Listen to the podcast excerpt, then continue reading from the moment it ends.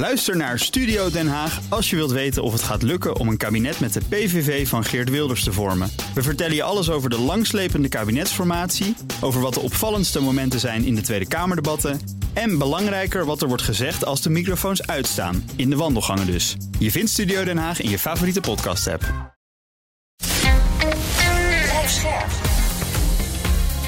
BNR Nieuwsradio. De AEX-factor. Wesley Weerts, Jelle Maasbach. Welkom bij de AX Factor, de podcast voor de slimme beleggen. De laatste alweer van het jaar. Financieel was 2022 een jaar om snel te vergeten. Hoge inflatie, stijgende rente, recessievrees. Het zorgde ervoor dat aandelen, obligaties, crypto en vastgoed hard onderuit gingen. Nou, volgend jaar beter wordt, dat bespreken we in deze speciale oudejaarsuitzending. Over ongeveer een half uurtje weet je of je de champagne alvast koud kunt gaan leggen. Of wordt 2023 misschien nog erger dan dit jaar? Antwoord krijg je in ieder geval van Stan Westerterp van Bond Capital Partners. Uh, ja, ook regelmatig natuurlijk te gast geweest afgelopen jaar in de AX Factor. Stan, goed dat je er bent. Dankjewel, dankjewel. Ja, hoe zou jij dit jaar samenvatten? Um, heel moeizaam. Um, en dan doe ik. Ja, we weten natuurlijk allemaal wat er gebeurd is het afgelopen jaar. Maar waar ik. Um, wat ik het moeizamer aan vond, is dat het een soort ongeluk in vertraging uh, leek. Ja, leg eens uit. Uh, nou, normaal zie je als, uh, als de beurzen zeg maar slecht nieuws willen verwerken, dat we daar vrij goed in zijn. Hè? Ik zeg wel eens vaker met de, lift om, of met de trap omhoog en met de lift naar beneden. En dit, in dit geval was het ook weer met de trap omlaag leuk wel. Het ging gewoon echt heel langzaam. Het begon natuurlijk al uh, als je kijkt, eind vorig jaar, uh, wat de, de rentevisies van, uh, van de centrale banken waren. Mm -hmm. Je kijkt nu twaalf maanden verder. Nou, dan zaten ze er compleet naast. En dat hadden ja. we allemaal niet verwacht. Ja, want de inflatie was toen tijdelijk, dachten ze. Transitory, hè, zoals ja. Jerome Powell het zo mooi noemde. Maar goed, daar zullen we het misschien zo nog wel even over hebben. Maar dat ze gedurende het jaar toch steeds meer achterkwamen van... Hey, wacht eens even, die inflatie is heel hardnekkig. We moeten steeds harder in gaan grijpen. We moeten steeds meer... En beleggers die continu daarop reageerden en continu daarvan schrokken. En er was ook bijna geen één asset class, geen één beleggingscategorie... waar je veilig zat. Dus uh, of het nou obligaties was of aandelen of crypto's... Vastgoed, uh, weet je, uh, private equity, dat gaat het ook allemaal nog moeilijk krijgen. Dus uh, het is in die zin een heel moeizaam jaar geweest. En met name ook omdat het uh, in mijn beleving, en dat is ook als je naar historie kijkt, relatief lang duurt. En we're not out of the woods yet, zoals de Amerikanen zo mooi zeggen. Er is ja. ook nog geen, geen duidelijk zicht op, oké, okay, wanneer komt de verbetering? Die wilde achtbaanrit, die zie je ook terug in de koers van de AEX. Want die stond uh, begin dit jaar boven de 800 punten. Op een gegeven moment stond die richting de 600 punten. Heb ja. je ook met samengeknepen billen naar die aandelenkoersen gekeken afgelopen jaar? Ja, tuurlijk, want dat is ons vak, weet je. Uh, wij hebben natuurlijk portefeuilles voor cliënten die in, in deze aandelen beleggen. En, maar ook in de obligaties. En ja, wat ik net al zei, uh, traditioneel een, een portefeuille. Pak, pak even een neutrale portefeuille. Hè. Ze hebben dat over de 60-40 portefeuille, zeg maar 60% aandelen, 40% obligaties. Ja. Normaal hebben die soort dempende werking. Als het met de een slecht gaat, dan gaat het met de ander wat beter en vice versa. Nou, dat hebben we dit jaar dus absoluut niet gezien. Sterker nog, het is het slechtste jaar uh, voor een traditionele neutrale zeg maar, portefeuille, of 50-50 of 60-40 is. Uh, uh, en de, de, laatste keer dat dit voorkwam was zelfs voor de Tweede Wereldoorlog. Dus dat je uh, zowel in obligaties als in aandelen zo hard geraakt werd. En dat heeft natuurlijk alles te maken met die, met die oplopende rentes. Ja, en dat hadden we nogmaals eind vorig jaar absoluut niet verwacht dat dit zou gaan gebeuren. Nee, Jelle, juist spannend was het wel in ieder geval. Zeker, zometeen gaan we het uitgebreider over hebben. En normaal gesproken dan kijken we terug op het beursnieuws van de afgelopen week. Dit keer een terugblik op het beursjaar 2022. En het onderwerp dat met stip op één stond dit jaar is natuurlijk de inflatie. In een jaar tijd zijn boodschappen gemiddeld bijna 20% duurder geworden. Nou, dat merk ik zeker, ja. Dus kaas was eerst 7 euro, nu 8,5 euro. Dat scheelt toch 1,50. Als je spek had, uh, was het normaal 1,89 euro. Nu betaal je 4,5 euro bij Albert Heijn of bij Lidl. En om die giga-inflatie te beteugelen moesten de centrale bankiers aan de bak. De ECB kwam deze zomer voor het eerst in 11 jaar tijd met een renteverhoging. The Governing Council judged that it is appropriate to take a larger first step on its policy rate normalization path than signaled at its previous meeting. Maar het waren vooral de Amerikanen die opvielen. De Fed kwam dit jaar vier keer met een verhoging van 75 basispunten. With today's action, we have raised interest rates by four and a quarter percentage points this year. We continue to anticipate that ongoing increases in the target range for the federal funds rate will be appropriate. Ja, en tech-aandelen die moest je hebben in 2021. Maar afgelopen jaar waren het de grote losers op de beurs. Maar het sentiment is gedraaid, ook omdat de rente wel degelijk is gaan stijgen inmiddels. Hè. En rente is toch een beetje een soort zwaartekracht, ook vooral voor die groeiaandelen. Ja, dan zie je dat technologieaandelen heel snel omlaag kunnen gaan. En, maar de daling nu gaat wel heel erg hard. En het doet een beetje denken, moet ik zeggen, aan de, de barsten van de internetbubbel 2000, 2001. Eén man haalde in zijn eentje steeds het nieuws. Elon Musk. Onder meer met die ene vraag: gaat hij nou wel of niet op overnamepad? Gaat Elon Musk nu opeens toch Twitter kopen? Als slijm me dood. Echt, ik, ik, ik, ik durf met, met, met Elon Musk is het sowieso al lastig voorspellen. Dat is een heel gevaarlijk spelletje. Uh, zeker als je dat op de beurs doet, dan uh, kun je heel veel winnen, heel veel verliezen. Maar het blijft gokken. Inmiddels is het dus wel duidelijk dat het geen geweldig jaar was. Het was ook niet het jaar van crypto. En dat is een understatement. Steep price drops in a number of big cryptocurrencies, trouble with major players in the industry, and billion dollar bankruptcies. It's all shaken confidence in the sector quite deeply. Will it amount to a correction in a young market, or does it signal the death knell of what some like to dismiss as a Ponzi scheme? Maar het alles overstijgende nieuws was natuurlijk de oorlog in Oekraïne. Op 24 februari in de vroege ochtend viel het Russisch leger Oekraïne binnen. Iets waarvoor werd gevreesd, maar wat niemand voor mogelijk hield. Sommige berichten zeggen het zijn drones die bezig zijn om uh, de vliegvelden uit te schakelen. Anderen spreken over afweergeschut, weten we niet. Nee. Uh, dus we weten nog heel veel niet. Wat ik zelf wel weet, is dat ik het verkeerd heb gezien. Ja, Want nou ik dacht steeds, het gaat niet gebeuren. Nee. En het gebeurt toch. Stan, je hebt je glazen bol uit Breda meegenomen. Dus zometeen kunnen we vooruitblikken. Maar eerst laten we even terugkijken. Aandelen, vastgoed, obligaties, crypto. 2022 was op alle gebieden rampzalig jaar. Dat hebben we nu wel geconcludeerd. Wat deed het uiteindelijk het allerslechtst? Is dat crypto voor jou? Uh, ja, dat denk ik wel. Ik denk, uh, zeker als je natuurlijk kijkt waar, het, waar het vandaan kwam en de, de, de, de hoge bomen uh, die af en toe tot in de hemel leken te groeien. En, en, en hele generaties die het hadden over het creëren van een passief inkomen. Zo'n ja. mooie term. Die dacht ik ben financieel onafhankelijk voor mijn dertigste was het geloof ik. Hè? De, ja. de, FIRE movement of niet? Ja, we zagen al die jongens ook op Instagram voorbij komen. Ja, je kon nou heel ja, snel die zijn natuurlijk worden. wel Kijk, en uiteindelijk leer je daar natuurlijk ook van. Maar die zijn natuurlijk wel snoeihard afgestraft. Dat, dat niet alles alleen maar tot in, tot in de hemel doorgroeit, zeg maar. En ja, soms heb je zo'n lesje nodig. Maar dit was wel een erg, een, een, een, erg harde les. Ik kan even spieken, want de bitcoin-koers crashte, zie ik hier voor me. Die ging bijna twee derde naar beneden, tot 15.000 euro. Is die hype dan ook voorbij, denk jij? Uh, nou, kijk, daar moet ik voorzichtig mee zijn. Want als je kijkt waar de bitcoin vandaan kwam ooit, uh, dan uh, is 15.000 uh, of 16.000 dollar per bitcoin is nog steeds een waanzinnige waardering. als je kijkt waar die tien jaar geleden zeg maar stond. Dus ik geloof niet dat, dat de crypto's nu helemaal ehm, ja, zeg maar het, het veld verlaten. Ik denk dat dit een goede serieuze test is. En dat er zijn er dus ook een aantal die gewoon omvallen. Of je ziet dat inderdaad hè, dat toch meer regulering nodig is. Omdat de beurzen uh, inklappen en oprichters moeten worden opgepakt ja, ergens op tropische eilanden. Ja, ja. Um, dus dat is, dat is, typerend voor een markt die zeg maar volwassen moet gaan worden. Maar ik denk wel dat cryptocurrencies here to stay zijn. Ook omdat je ziet dat, uh, dat overheden natuurlijk en centrale banken erover aan het nadenken zijn om hun eigen uh, digitale munten uit te gaan geven op termijn. Dat is wel interessant. Je schrijft ze dus, dus niet af. Nee. En als we kijken naar aandelen, vastgoed en obligaties, dan is die gestegen rente de boosdoener. Ja. Als we aandelen eruit pakken. 2021 waren ASML, Tesla en Amazon, die waren heel erg populair. Ja. Dit jaar zou je kunnen zeggen de afrekening. Ja.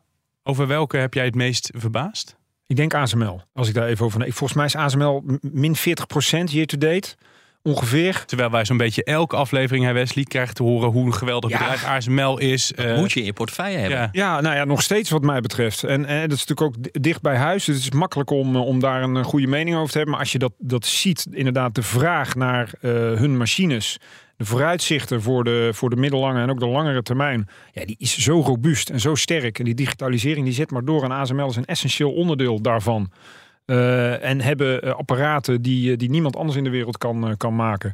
Ja, ik denk dat het een, een uniek bedrijf is. Um, en die 40% die er vanaf komt, dat heeft niks te maken met de onderliggende groei of het potentieel van het, van, van het bedrijf. Nee, maar waarom alles te maken met, met die rentestijgingen. Ja, het is min 30, zie ik op een, op een scherm op dit moment. Maar ja, nog ja, steeds vanaf het hoogste punt al min 40. Maar het is ja, in ieder geval het is een flinke, flink, flinke ja, afstraffing. Zeker als je kijkt, als, als je um, alleen maar de fundamentele cijfers had gehad dit jaar van ASML. Eh, en je weet niet wat er met de beurskoers is gebeurd, dan had je gezegd, nou prima ja, volgens mij zal het wel weer 10, 20, 30 procent gestegen zijn.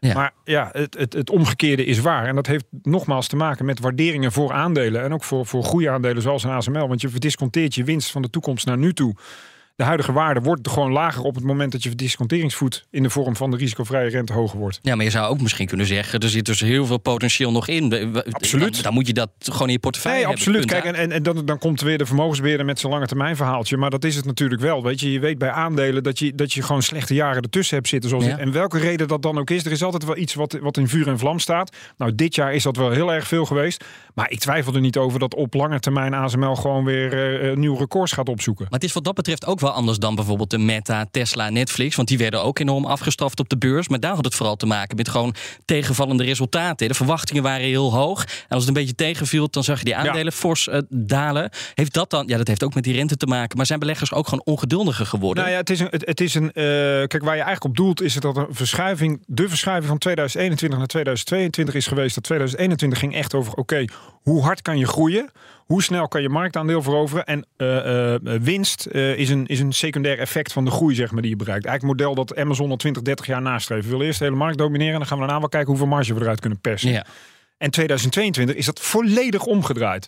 Dus nu is het ineens, ja, die groei, dat interesseert ons niet zoveel. Nee, je moet winst maken onderaan de streep. Want als jouw financieringskosten stijgen en je balans is niet op orde, ja, dan kom je vanzelf in de problemen. Dus heel veel techbedrijven worden daar nu ineens op afgerekend. Van ja, het is allemaal leuk die groei, alleen je verdient er niks aan. Met andere woorden, eh, ja, dat, en, en de waarheid ligt in het midden. Er zal ook alweer een periode komen dat technologie wel weer geliefd is. We zien dat altijd in met, met, met, met eh, enorme ups en downs gaan. Het heeft nu jarenlang geprofiteerd. Ja, en dit jaar zie je gewoon dat inderdaad, eh, als de bedrijven, als ze zowel qua waardering, qua rente, dan verlies je al 30, 40 procent. Ja. Als je dan ook nog eens wat slechtere cijfers laat zien, ja, dan word je helemaal afgestraft door de beurs. Daar tegenover staan die olie- en gasaandelen. Die profiteerden wel. Had natuurlijk te maken omdat daar nu wel flink eh, geld, geld wordt verdiend. Eh, je zou ook kunnen zeggen, ja, duurzaamheid. Want dat dachten we begin dit jaar nog. Oorlog in Oekraïne. We moeten eh, op zoek naar alternatieven voor olie en gas. Die deden het een stuk minder. Hoe verklaar jij dat dan? Bijvoorbeeld in zonnepanelen, in alternatieve Vestas energiebronnen. Wind eh, Systems bijvoorbeeld, ja. Ja. een grote, grote windturbineproducent. Olie en gas dus heel erg goed gedaan. Maar inderdaad, alternatieve energie. Ja, bijvoorbeeld bij Vestas, daar is het verhaal heel erg geweest van... omdat die containerprijzen zo enorm, dus de transportprijzen zo enorm gestegen waren... werd het vrij duur om al die turbines over de wereld heen te verschepen. Dus je zag Ja. bijvoorbeeld dat traditionele olie- en gasbedrijven... zoals Exxon, zoals Esso, zoals Total... die ook bezig zijn met dit soort windparken bijvoorbeeld... echt aan het kijken waren van ja, maar als we dat... eh, als die transportkosten zo hoog zijn, Ehm, dan is dat gewoon niet meer financieel rendabel om nu die windmolenparken neer te gaan zetten. Nou, we hadden het net al even over die containerprijzen die aan het dalen zijn. Ja, die dalen De verwachting is dus ook dat dit soort bedrijven, je ziet ook dat de koers bijvoorbeeld van zo'n Vestas aardig hersteld is eh, gedurende dit jaar. Dat die pijplijn nu versneld, eh, die er wel is, dat die versneld ingelopen gaat worden. Ook omdat er veel meer behoefte is aan alternatieve energie. Dat heeft meneer Poetin ons heel duidelijk gemaakt. Waar ik wel benieuwd naar ben, we hebben het heel veel over aandelen die het niet goed hebben gedaan. Of sectoren die toch een beetje tegenvielen. Wat waren de hoogvliegers? Nou ja, waar we het net al over hadden, hè, dat waren. eh, Kijk, als je even kijkt wat een beetje stabiel blijft, dat waren zeg maar eh, de Nestle's en de Unilevers van, eh, van Ja. deze wereld. Wat het goed heeft gedaan zijn gewoon, hè, die, mm, daar Mhm. refereerden we net al aan de energiebedrijven, hè, de olie- en gasbedrijven, de traditionele oude, ouderwetse sectoren. Ja. Ehm, en wat, het, eh, wat het ook heel erg goed heeft gedaan, is, eh, is bijvoorbeeld biotech in Amerika. Dat was ook wel verrassend. Eh, en ja, we hadden het net al even over pharma, maar namen als AbbVie, Amgen, Gilead, dat zijn allemaal bedrijven die het, die, het, die het echt goed gedaan hebben. Die zijn gewoon gestegen tegen een dalende beurs in. We weten natuurlijk dat in de coronacrisis dat bepaalde bedrijven het goed deden. omdat ze vaccins verkochten. Maar wat was dit jaar bijvoorbeeld de reden dat ze er zo uitsprongen, denk jij? Nou, ik denk, we we hadden het net al even over die rotatie van groei naar waardeaandelen. Dit zijn toch wat meer de, de voorzichtige eh, sectoren, om het zo maar te zeggen, die ehm, eh, een redelijk steady cashflow hebben. hè, medicijnen Maar ook wel risicovol, toch?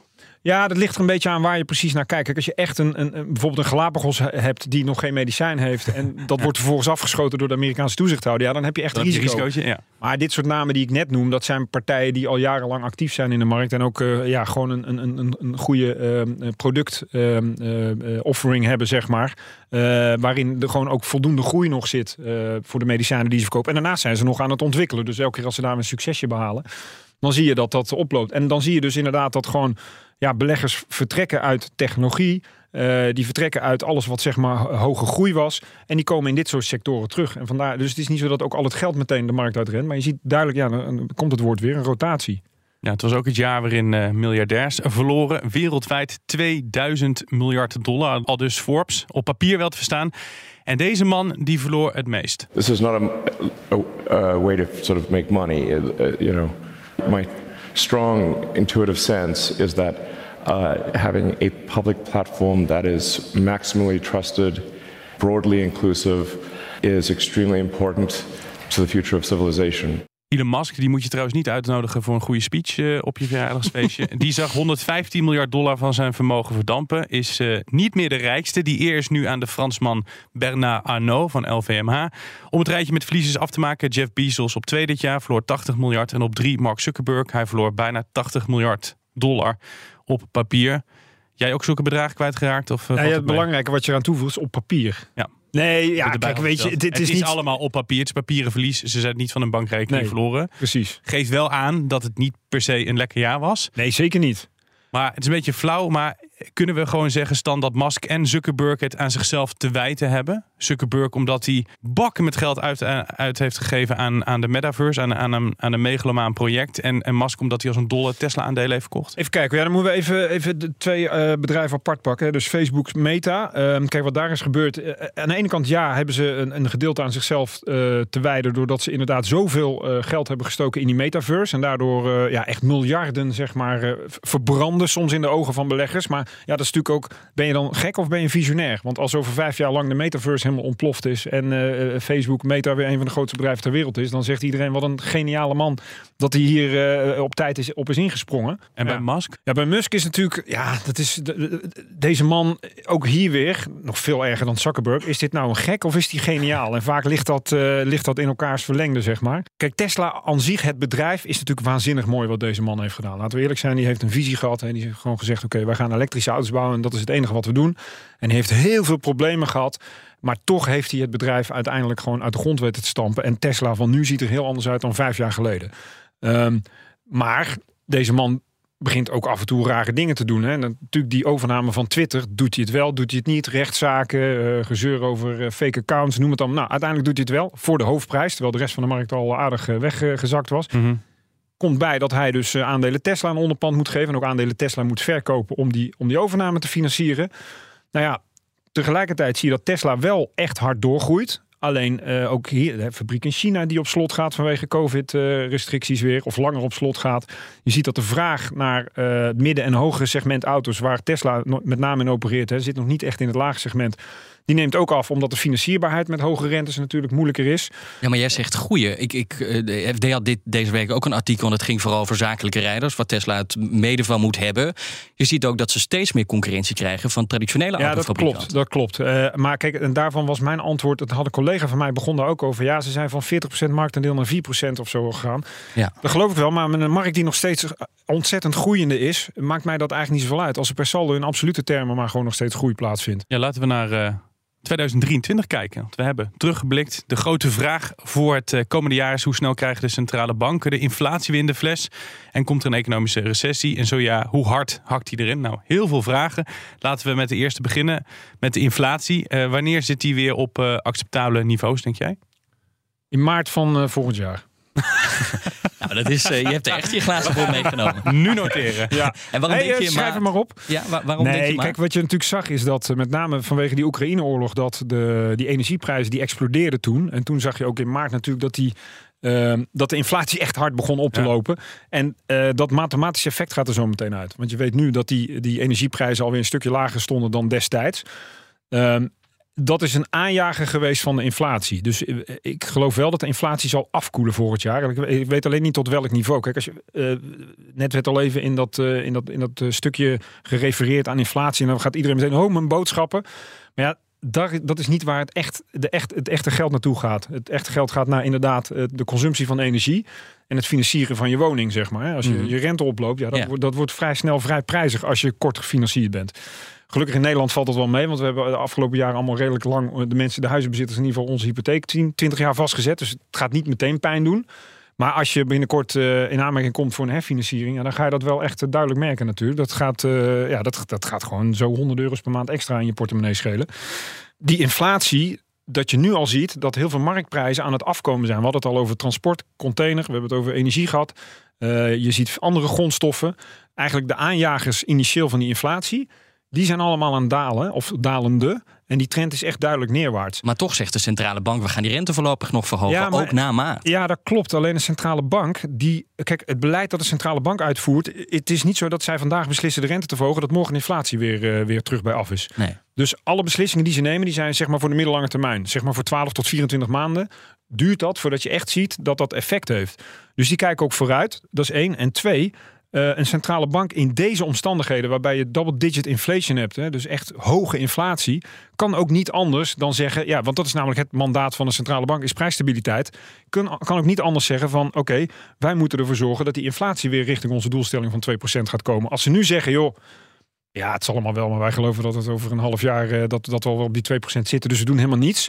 Ja, dan ga je ook twijfelen aan de credibility, de geloofwaardigheid van de centrale bank. En daarin is Amerika altijd veel, die zijn veel sneller in het ingrijpen. En, Europa hobbelt er altijd een beetje achteraan. Dat zie je nu natuurlijk ook weer. Ja, wat misschien dan ook helpt bij het terugdringen van die prijsstijging is een recessie. Hè? Want dat was de andere vraag die Ja. Jelle net opwierp. Van komt hij er wel of komt hij er niet? Nou, dat hij er komt is denk ik wel zo goed als zeker. Alleen de vraag is dan hoe die... Ja, twijfel Nou je? ja, ik twijfel omdat die angst in oktober, september, oktober was groter met die hoge gasprijzen dan dat die nu is. Ook omdat we een relatief milde winter hebben, zeg maar in Europa. De vooruitzichten zijn redelijk goed. Dus die gasvoorraden, die zijn, daar heeft Europa, moet ik wel echt zeggen, hè, we zien wel vaker, we, we klagen er wel vaak over, maar daar hebben ze echt goed werk geleverd door die gasvoorraden maximaal te vullen. Het, het zij tegen hoge prijzen. Maar dat betekent bijvoorbeeld dat een land als Duitsland niet in een, eh, in een energiecrisis in ieder geval deze winter zal komen. Waardoor ze redelijk kunnen doordraaien. Dus ik vraag mij af, als het al een recessie wordt, denk ik niet dat het een hele diepe gaat worden in Europa. Meer een mathematische recessie van, van enkele tienden bij wijze van spreken. Ja, gaat het wel nog impact hebben op aandelen? Gaan die bijvoorbeeld verder dalen omdat er een recessie is? Nee, nee, nee, nee. Want dat is, kijk, die vooruitzichten zijn wel redelijk ingeprijsd. Ik bedoel, als we het al weten, dan, dan prijst de markt het natuurlijk wel heel snel in. Waar het veel meer om zal gaan, is oké, hoe,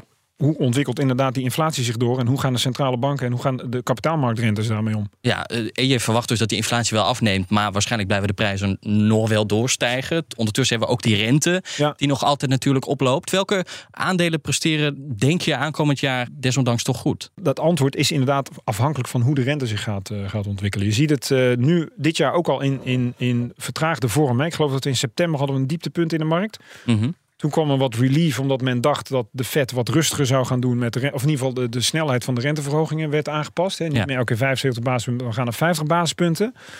En toen zag je al vrij snel dat eh, van alles wat eh, groei was, toch weer een, eh, enigszins herstel vertonen. Nou, toen kwam de ECB eroverheen. Nee, we gaan toch wat langer door met de rentes. En hop, dan gaat, dan gaat de groeiaandelen gaan weer naar beneden toe. De financiële markten die waren zo gewend aan lage rentes. En in één keer eh, verandert het hele speelveld. Dat ook voor 2023, dat is een heel lang antwoord op jouw vraag. Maar Ja, heel lang. is gewoon, oké, wat gaan de rentes doen? Ja, maar ik heb eigenlijk nog geen antwoord. Want ik kan Nee, me ongetwijfeld... Ja, Zo zeggen. aandelen? Als, ehm, eh, als de rentes dalen, dan zou je zien dat de groeiaandelen, de ASML'en, de, de, de, de Googles, de, eh, de Microsofts, de, alles wat afgestraft is, de Tesla's, dat die het weer goed gaan doen.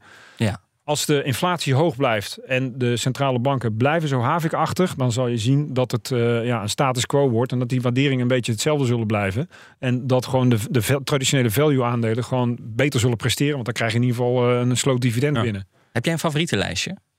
Wij hebben wel een favorietenlijstje. Ja? Ja? Welke namen staan er onder meer op? Nou ja, er zijn er al een paar gevallen. Kijk, ik, ik ben wel van mening dat eh, in die, in die techsector eh, heel veel bedrijven, het baby een beetje met het badwater wordt weggegooid, zeg maar. Als je echt kijkt naar goede, bijvoorbeeld Alphabet, Google, Microsoft, eh, ASML, nou, Tesla hebben we al even genoemd.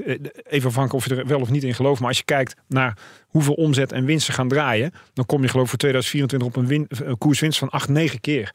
Dat is voor Tesla ongekend. Hè? Want we waren altijd gewend dat het, eh, dat geen winst maakte überhaupt. En, en als het dan al winst maakte, dan betaalde je duizend keer per aandeel, zeg maar. Ehm, maar ook als je fundamenteel kijkt naar deze bedrijven, wat ik net al zei, bijvoorbeeld bij ASML, dat zie je bij Microsoft ook.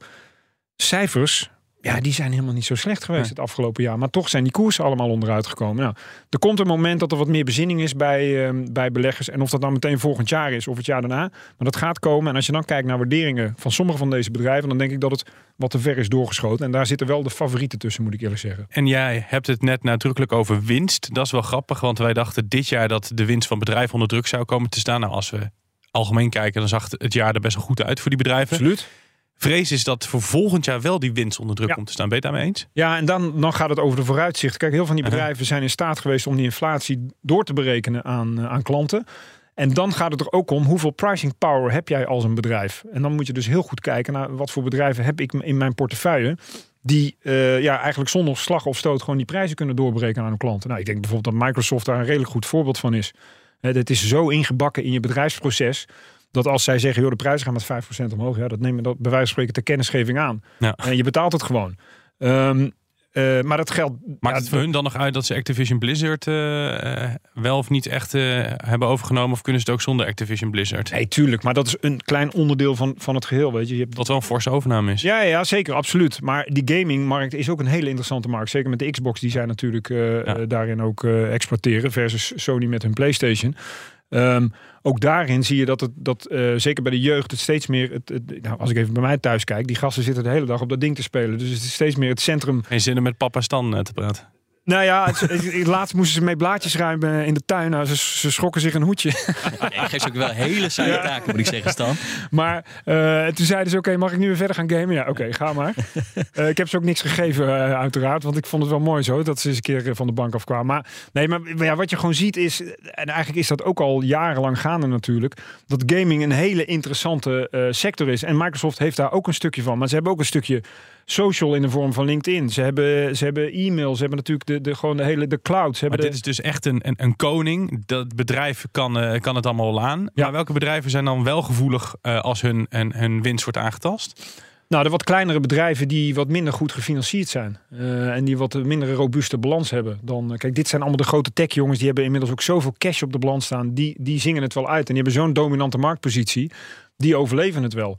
Eh, maar als we bijvoorbeeld even kijken naar, eh, naar mijn vrienden uit Breda, cm.com, afgelopen jaar. Die hadden in 2021 recordniveau van de, van, de, van de aandelen, boven de 40 euro. Zijn dit jaar helemaal teruggezakt naar 11 euro. En waarom? Ja, die jongens die groeiden wel hard. Alleen onderaan de streep bleef er geen geld over. Dan ga je toch vrij snel kijken naar, oké, hoe ziet de, ziet de financiering van, van... Dit is even een kort voorbeeld, hè. Zo zijn er heel veel van dit soort voorbeelden. Ik bedoel, ik wil niet zeggen dat CM.com een slecht bedrijf is. Alleen je gaat wel anders kijken als belegger van, oké, als ze geen winst maken... Hoe lang kunnen ze dit nog eh, door eh, blijven financieren voordat het penibel gaat worden en dat ze bij wijze van spreken weer geld op moeten gaan halen via een aandelenemissie of dat ze een, eh, weer een nieuwe lening in de markt moeten zetten. En zo kijken beleggers dan zijn afgelopen jaar zo gaan kijken in plaats van oké, hoe hard kunnen ze doorgroeien? Dus dit soort bedrijven, ehm, daar is het van belang eh, ja, om te blijven kijken naar hoe ziet de balans eruit en hoe ziet de, de toekomstig perspectief eruit van dit soort eh, ondernemingen. Of je er wel of niet in wil gaan. Want er zit een hoog risico aan. En het biedt natuurlijk ook kansen. Zeker. Lage waarderingen. Absoluut. Heb je de eerste koopjes al eh, gespot? Er zijn zoveel bedrijven die het cijfermatig fundamenteel gewoon goed doen, maar die door die hoge rentes zo hard zijn afgekomen dat ze echt interessant beginnen te worden. Hè. Waarderingen die op 2017, 2018 niveau staan, zeg maar. Terwijl in die vijf jaar tijd die bedrijven vertwee- of verdrievoudigd zijn in omzet, bij wijze van spreken. Ik vond Netflix ook zo'n voorbeeld waarvan je dacht van, oké, er gaat even wat groei uit. Ze verliezen een paar honderdduizend leden. En dat was de markt niet gewend, want er was gewend dat Netflix gestaag groeide. Maar als je kijkt hoeveel winst ze daaruit persen, dan zag je ook dat het een enorme klap was. Maar het aandeel is al wel weer aan het herstellen, want iedereen toch ook weer realiseert, ja maar wacht eens even. Vond ik persoonlijk ook wel echt een gigantische afstraffing Ja, voor. echt, echt bizar. Daar ging 60 of 70 procent vanaf of zo. Ja. Nou, dat is nu alweer aardig opgelopen. Ook omdat je ziet, nogmaals, hè, dit is een, gewoon een winstgevend, solide bedrijf. En het is een marktleider in een, in een, in een segment dat nog steeds genoeg groei heeft eh, naar, de, naar de nabije toekomst toe. Nou, als je zo continu blijft kijken, gewoon met een vergrootglas naar bedrijven. En dan ga je vanzelf ook mooie dingen tegenkomen. Maar er zitten uiteraard ook absolute valkuilen tussen. Want als die winstramingen minder worden, eh, dan zijn het helemaal geen koopjes meer. Nee. Morgan Stanley zegt trouwens, het ergste jaar wordt het voor de Amerikaanse beurzen sinds de financiële crisis. Wat kun je met die voorspelling? Wel, voor 2023? Voor 2023, ja. helemaal niks mee. Nee? Nee, ja, weet je, het is eh, altijd die, die grootbanken die altijd weer van die bouwde uitspraken gaan doen. Eh, en uiteindelijk komt er niets van. Laten we volgend jaar deze tijd hier weer gaan staan. Dan halen we die uitspraak erbij van Morgan Stanley. Kijken of ze gelijk hebben gehad. Ja, dat is goed. Hebben we onze gast voor volgend jaar. Ja, Ja, nee, ik geloof er niks van. Ik geloof er echt niks van. Want weet je, niemand heeft een glazen bol. Maakt niet uit hoe hoog je in de boom zit, bij welke investmentbank dan ook. Tuurlijk zijn er allerlei risico's die voor de markt zijn. Maar dat is, het, dat is altijd het gekke. Men probeert de risico's die we nu weten te extrapoleren naar de toekomst. Maar er zijn ook voldoende uh, uh, redenen om aan te kunnen nemen dat het zomaar toch ineens weer een heel goed jaar zou kunnen worden. Stel je voor dat de, dat de oorlog tussen Oekraïne en Rusland wordt opgelost. En dat we dat energievraagstuk enigszins weer een beetje uh, kunnen normaliseren. Nou, dan wil ik wel eens zien hoe de beurs gaat reageren. Ja, er zijn dus, ook kansen. Nou goed, dat heb je daar net uitgelegd. En afgelopen jaren, volgens mij afgelopen decennium was er altijd. Ja, er is eigenlijk geen alternatief voor aandelen. Komen die alternatieven nu meer om de hoek kijken? Ja, wat is bijvoorbeeld een alternatief? China is volledig weg. Hè? Er was eerst er is no alternative. Je moest voor Duits staatspapier voor tien jaar moest je bijbetalen om tien jaar lang je geld af te geven aan de Duitse staat. Nou, dat is echt ongekend. Dat hebben we nog nooit meegemaakt. Ja. En nu krijg je gewoon weer, weer, weer een, een, normale rentevergoeding. Hè? Als het een beetje doorloopt, dan zit je in Nederland, ik pak hem er even bij, de, de 10 rente zit je op een gegeven moment richting de 3 ja, dat, dat is, uh, een paar jaar geleden. Toen, toen droomden we daarvan natuurlijk. Dus dat is wel een serieus alternatief. Als staatsobligaties. Staatsobligaties. Gewoon staatsobligaties. Als je niet te veel, als je niet te veel risico wil lopen, dan kan je gewoon weer uh, Nederlands staatspapier kopen tien jaar lang. En dan heb je, krijg je gewoon in ieder geval een kleine 3% per jaar op je, maar ja, ik zag ook, eh, ook een column van Corné van Zeel, ook een gast die hier vaak natuurlijk in de uitzending is. En die zegt van ja, centrale banken die hebben nog flink wat obligaties op hun balans staan. ECB 5000 miljard op de balans. Nou, daar willen ze vanaf. En als ze dat doen, ja, dan zal dat ook juist druk geven op die obligatiekoersen. Maar tegelijkertijd, de, de vergoeding die je daarvoor krijgt, is vele malen hoger dan dat die vorig jaar deze tijd was. Vorig jaar deze tijd was het absoluut niet interessant om, om in dit soort obligaties te beleggen. Want ja, nogmaals wat ik net zei, je moest bijbetalen en je, al het risico is, is voor jou als belegger. Alleen nu zit er weer een rente, of nu zit er in ieder geval weer een vergoeding van dat risico aan vast. Even los van in welke land of in welke uh, sector je dan specifiek obligaties op zou willen zoeken. Maar ik ben er wel van overtuigd dat. We hadden het aan het begin van de uitzending over die, die, die 50-50, 60-40 portefeuille. En dan we heel veel critici die zeggen nu die is dood. Ik denk juist dat het weer interessant is om een gebalanceerde portefeuille te hebben. Ook omdat je aan die obligatiekant nu in ieder geval weer een vergoeding krijgt. En Corné heeft gelijk dat er om allerlei technische redenen dat er onbalans kan ontstaan. Hè? Centrale banken die zich inderdaad terugtrekken, waardoor ja, de markt het maar moet gaan absorberen. Maar ik denk wel dat we ook inmiddels ervan overtuigd zijn, als het echt te zwaar wordt voor de financiële markten, dat de centrale banken op een gegeven moment ook weer een draai zullen maken. Want ja, het is gewoon nou eenmaal zo dat de schulden in de wereld alleen maar zijn toegenomen de afgelopen decennia. Een hele hoge structurele rente en, en onbalans in de financiële markten. Dat, dat brengt zoveel risico's met zich mee dat zelfs de centrale banken op een gegeven moment zullen moeten gaan zeggen: oké, we moeten toch weer een beetje uh, ja, oppassen wat we doen. Laat ik het maar voorzichtig omschrijven. Maar misschien mhm. wel weer wat meer stimuleren. En verder alternatieven? Ik denk dat je even heel voorzichtig moet zijn op dit moment. Kijk, ik ben, ik ben natuurlijk een aandelenman. Ik ben op lange termijn. Ik geloof altijd in de kracht van, uh, van aandelen. Omdat bedrijven zich kunnen aanpassen. En als je zorgt dat je goede bedrijven nee, goed gefinancierd met goede vooruitzicht. Nou, we hebben het er net allemaal al over gehad. Mhm. um, en ik denk dat je met name zeg maar sectoren die vaak wat uh, achterlopen. Hè. De financiële markt zijn heel snel in zeg maar problemen te verdisconteren we dit jaar gezien.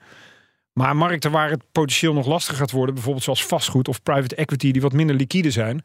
Dan denk, je ziet nu al bijvoorbeeld de eerste tekenen bij private equity dat ze fondsen niet meer gevuld krijgen of dat het, of dat het wordt uitgesteld. Dat er eh, de waarderingen die gevraagd worden veel te hoog zijn. Nou, dan zou je ook misschien wel gaan zien dat sommige fondsen weer op slot gaan op een gegeven moment. Ja. Dat zijn nou de, de beleggingscategorieën, dus de wat minder liquide beleggingscategorieën, waar ik even heel voorzichtig mee zou zijn met deze rentestanden. Is dan rond deze tijd van het jaar, dan uh, krijg je altijd die uh, eeuwige vraag: wat zijn je goede voornemens? Dat gaan we echt niet doen. Uh, maar laten we even kort afsluiten. Gelukkig. Met, heb je een soort van tip of iets dat je wil meegeven aan de particuliere belegger, aan de luisteraar van de AX-factor? Nou, ik. Um kijk, waar iedereen uh, vorig jaar deze tijd ontzettend enthousiast was.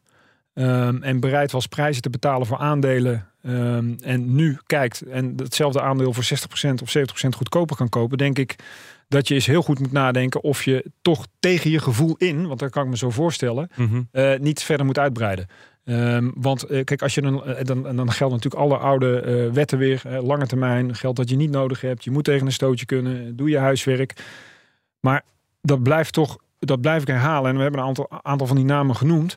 Dat zijn gewoon solide en robuuste en sterke bedrijven met een met goede, uh, goede toekomst voor zich. En de toekomst is altijd onzeker. Er gebeuren altijd dingen waarvan je dat van tevoren niet had verwacht. Alleen er zitten echt serieus mooie bedrijven bij die nu tegen zo'n discount gaan. Dat als je al niet belegd bent, dat, het, dat je erover na moet gaan denken om dat juist nu te doen. Als je wel belegd bent uh, en je hebt geen geld meer, blijf rustig zitten. Komt goed.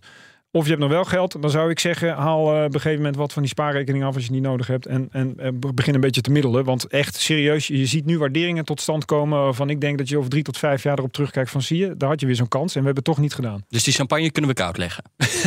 Ja, maar ik zeg niet meteen voor volgend jaar. Want als je Morgan Stanley moet geloven, dan gaat er nog de helft van, van de prijs af. Maar eh, wees alert en, en, en, en ja, weet je, je kan, niemand kan op het dieptepunt eh, precies dat timen wanneer iets gebeurt. Ik ga toch aan de alcohol.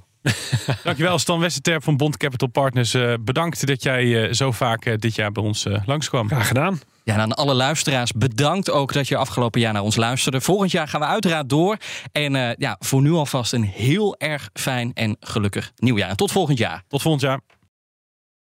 Ook Thomas van Zeil vind je in de BNR-app. Je kunt live naar mij luisteren in Zaken doen, de BNR-app met breaking news, het laatste zakelijke nieuws en je vindt er alle BNR-podcasts, bijvoorbeeld Het Nieuwe Geld. Download nu de gratis BNR-app en blijf scherp.